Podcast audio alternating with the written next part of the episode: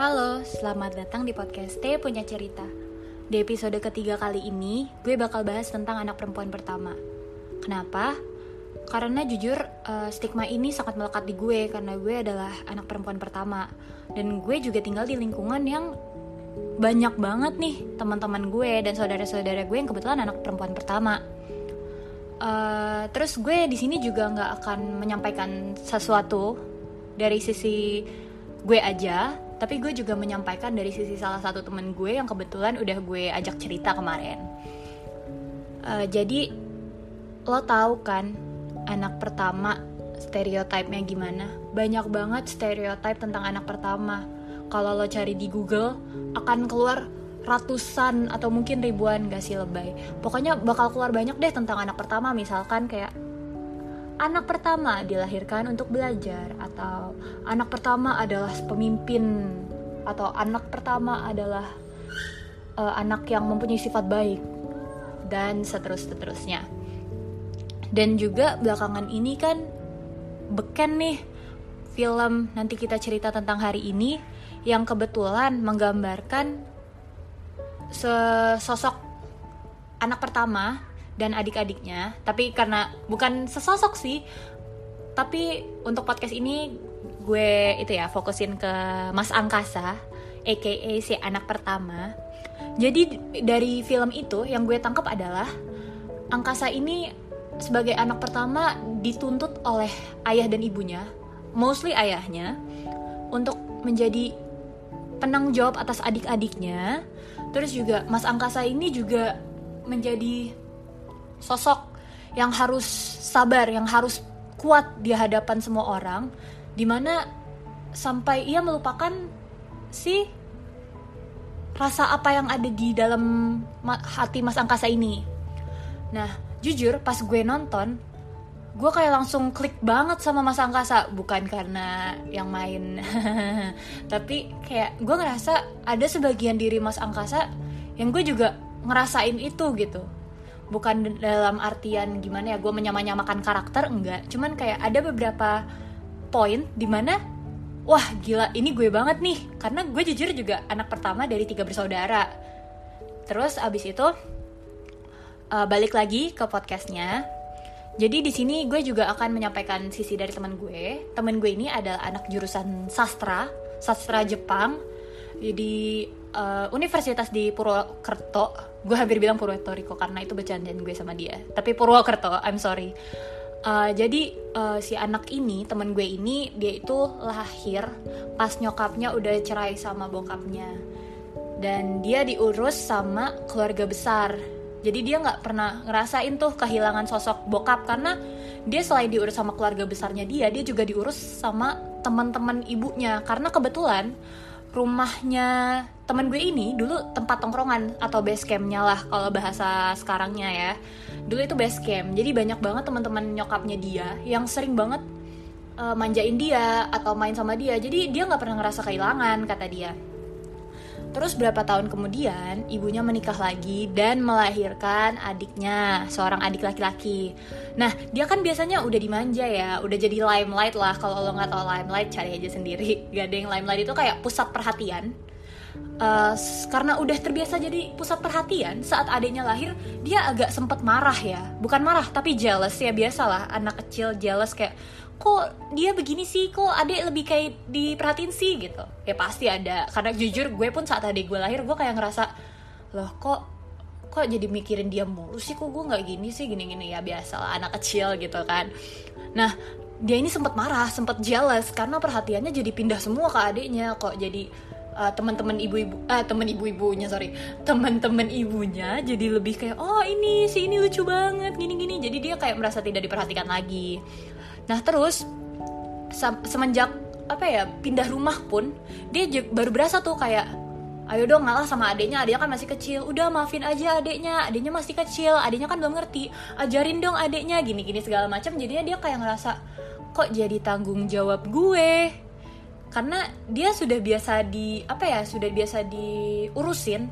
Saat dia harus melakukan sesuatu yang tidak dia biasa kan pasti kan pasti kayak culture shock gitu nggak sih? Pasti kan semua orang ngerasain ya terus abis itu akhirnya uh, dia jadi lebih pendiam nih semakin dia beranjak dewasa. Tapi semakin beranjak dewasa dia juga makin ngerti. Walaupun ya tetap apa sih dia ngerasa kayak oke okay, gue punya tanggung jawab atas adik gue gitu. Nah jadi dia ini datang dari keluarga yang banyak anak per, banyak anak pertamanya itu perempuan. Kalau dari sisi nyokapnya dia. Jadi perannya itu dia lebih bisa ngerasain lebih signifikan. Karena pasti dikasih tahu nih kamu anak pertama gini gini gini gini segala macam. Terus karena dia uh, apa ya dia itu kan diurusin sama teman-teman ibunya ya. Pokoknya semua orang yang ada di hidup ibunya ikut mengurus dia. Jadinya nyokapnya ini sering bilang ke dia kamu jadi anak pertama jangan bandel. Yang marah banyak yang ngurusin kamu banyak. Gitu terus abis itu akhirnya dia pun ya pasti makin lama makin menumbuhkan rasa tanggung jawab ya. Terus kan gini dia tinggal di luar kota nih. Apa ya dia iya dia tinggal di luar kota dalam artian ngerantau. Pasti kan ngekos dan jarang pulang ya. Nah dia yang biasanya kayak di Jakarta itu sebelum yang gue kenal ya dia yang gue kenal uh, sebelum pindah sebelum ngerantau dia tuh beda banget. Dia uh, lebih semenjak ngerantau tuh dia lebih jadi deket sama nyokapnya sih kalau gue lihat ya. Biasanya kalau misal uh, dia dan gue lagi pergi sama nyokapnya gitu gue suka ngeliat dia kayak apaan sih? gitu. Tapi semakin ke sini dia makin deket gitu. Terus dia juga cerita ke gue semenjak dia tinggal di luar kota iya sih jauh jaraknya.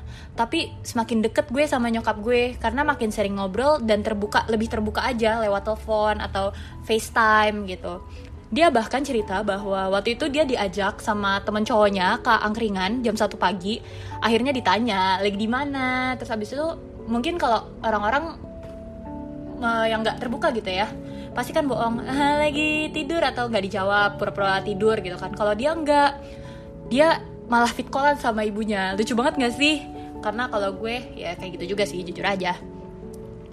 Nah dan dia juga semakin ke sini tuh uh, tidak merasa terbebani lah apa ya dia nggak pernah ngerasa terbebani gitu. Karena nyokapnya ngebebasin pilihan hidup dia alhamdulillahnya. Tapi karena dari kecil uh, apa ya dia tinggal bersama bapak tirinya dan nyokapnya dan adik tirinya dia lebih merasa diperlakukan gak adil sih. Mungkin sebenarnya kalau dilihat pun kalau gue bisa apa ya kalau misalkan gue menaruh sisi gue dari point of view orang ketiga gitu mungkin uh, kelihatannya sebenarnya adil-adil aja. Cuman karena dia lebih merasa segan gitu kan karena tinggal bersama bapak tirinya dan adiknya adik tirinya which sebenarnya dia nggak apa-apa gitu. Dia merasa lebih segan aja dan merasa diperlakukan gak adil. Dan dia lebih struggle ke stereotip perempuan sih kalau dari uh, yang gue denger ya dari ceritanya dia.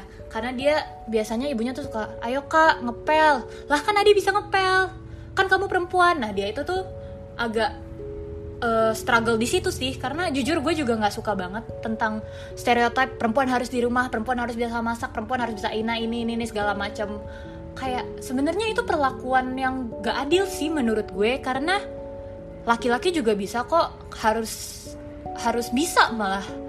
Jangan malu akan hal itu gitu. Untuk apa malu laki-laki bisa nyapu bisa masak enggak sekarang udah 2020 gitu maksud gue ya nggak sih?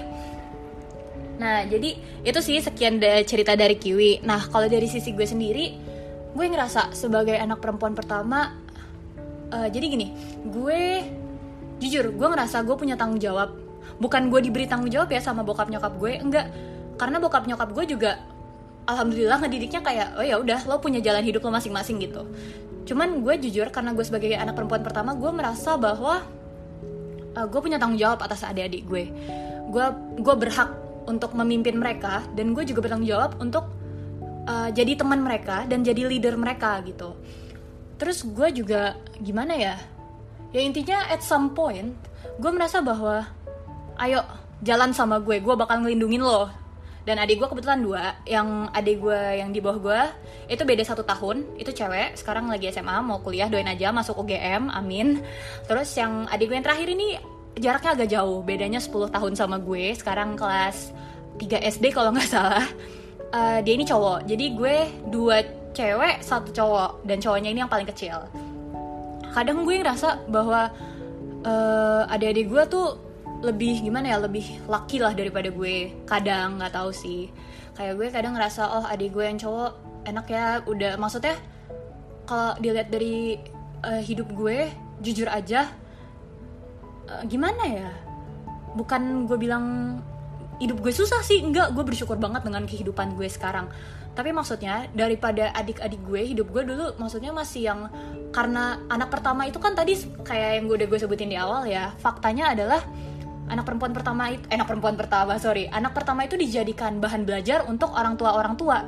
Jadi apa yang bagus di anak pertama diterapkan ke adik-adiknya dan apa yang jelek ditinggal gitu. Jadi gue ngerasain banget uh, jatuh bangunnya keluarga gue ya gue gitu. Gue ngerasa banget.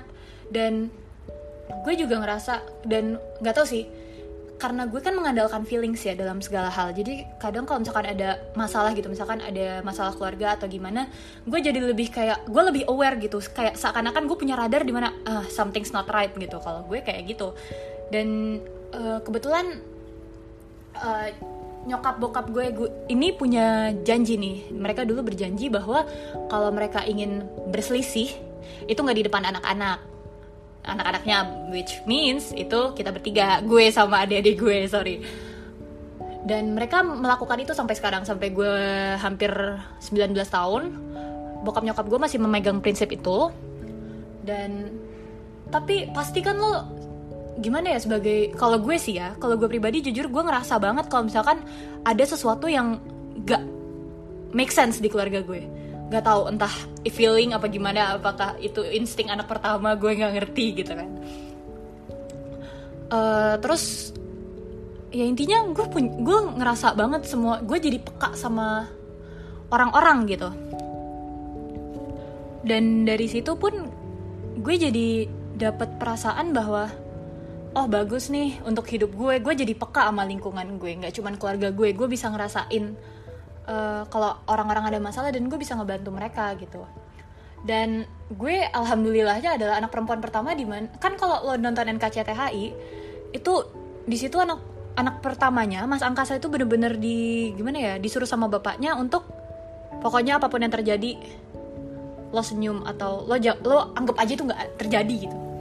Kalau gue alhamdulillahnya gue nggak dituntut untuk seperti itu gitu. Maksudnya kalau gue ngerasa nggak bener gue bisa nanya dan gue nggak harus berpura-pura baik-baik aja gitu.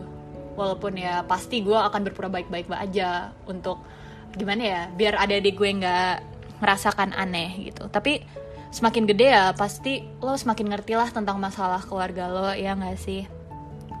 Uh, terus juga gini keluarga gue ini punya side jokes. Kata mereka gue ini sebagai anak pertama tuh kayak anak ketiga gitu karena gue terlalu polos gue terlalu naif segala macam tapi sebenarnya gue lebih bukannya gimana ya? Bukannya gue terlalu naif atau terlalu polos sih. Gue lebih ngerasa saat gue nggak butuh jadi anak pertama bukan nggak butuh kalau gue tidak harus mengeluarkan kepertamaan gue gue nggak akan ngeluarin itu gitu. Ngerti gak sih? Kayak karena jujur gue ini pengen banget punya kakak atau punya abang siapa pun lah gue pengen banget kalau misalkan gue boleh minta ke Allah gitu boleh minta ke Tuhan kalau ya Allah boleh gak sih jadi anak kedua aja atau anak ketiga? Gue pasti bakal minta itu. Karena gue pengen bang kadang tuh gue suka ngeliat adik-adik gue terus gue iri kayak enak ya dianterin nama kakaknya. Soalnya gue suka nganterin adik gue basket atau berenang atau gue suka nganterin adik gue balik ke asrama karena kebetulan yang cewek ini anak asrama. Uh, terus gue juga kadang kepikiran kayak Ih, seru ya jadi anak kedua atau ketiga atau keberapa gitu. Yang penting bukan kakak kakak anak pertama lagi.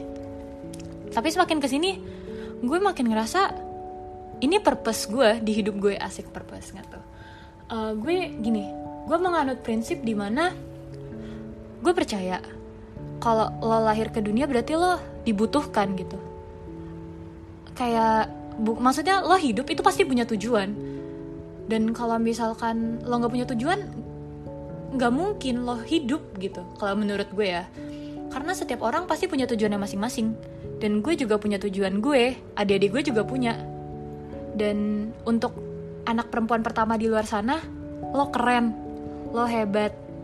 Maksudnya dari segala stereotip yang menjatuh ke diri lo gitu yang jatuh ke diri lo lo tetap kuat berdiri sampai sekarang. Lo tetap bisa berjalan dengan tegak walaupun banyak halang rintangan yang ada yang datang ke lo lo hebat. Gue salut sama lo. Gue salut sama diri gue. Dan maaf ya kalau dari tadi podcastnya jadi ngalor ngidul. Jadi gue tutup podcast kali ini. See you next time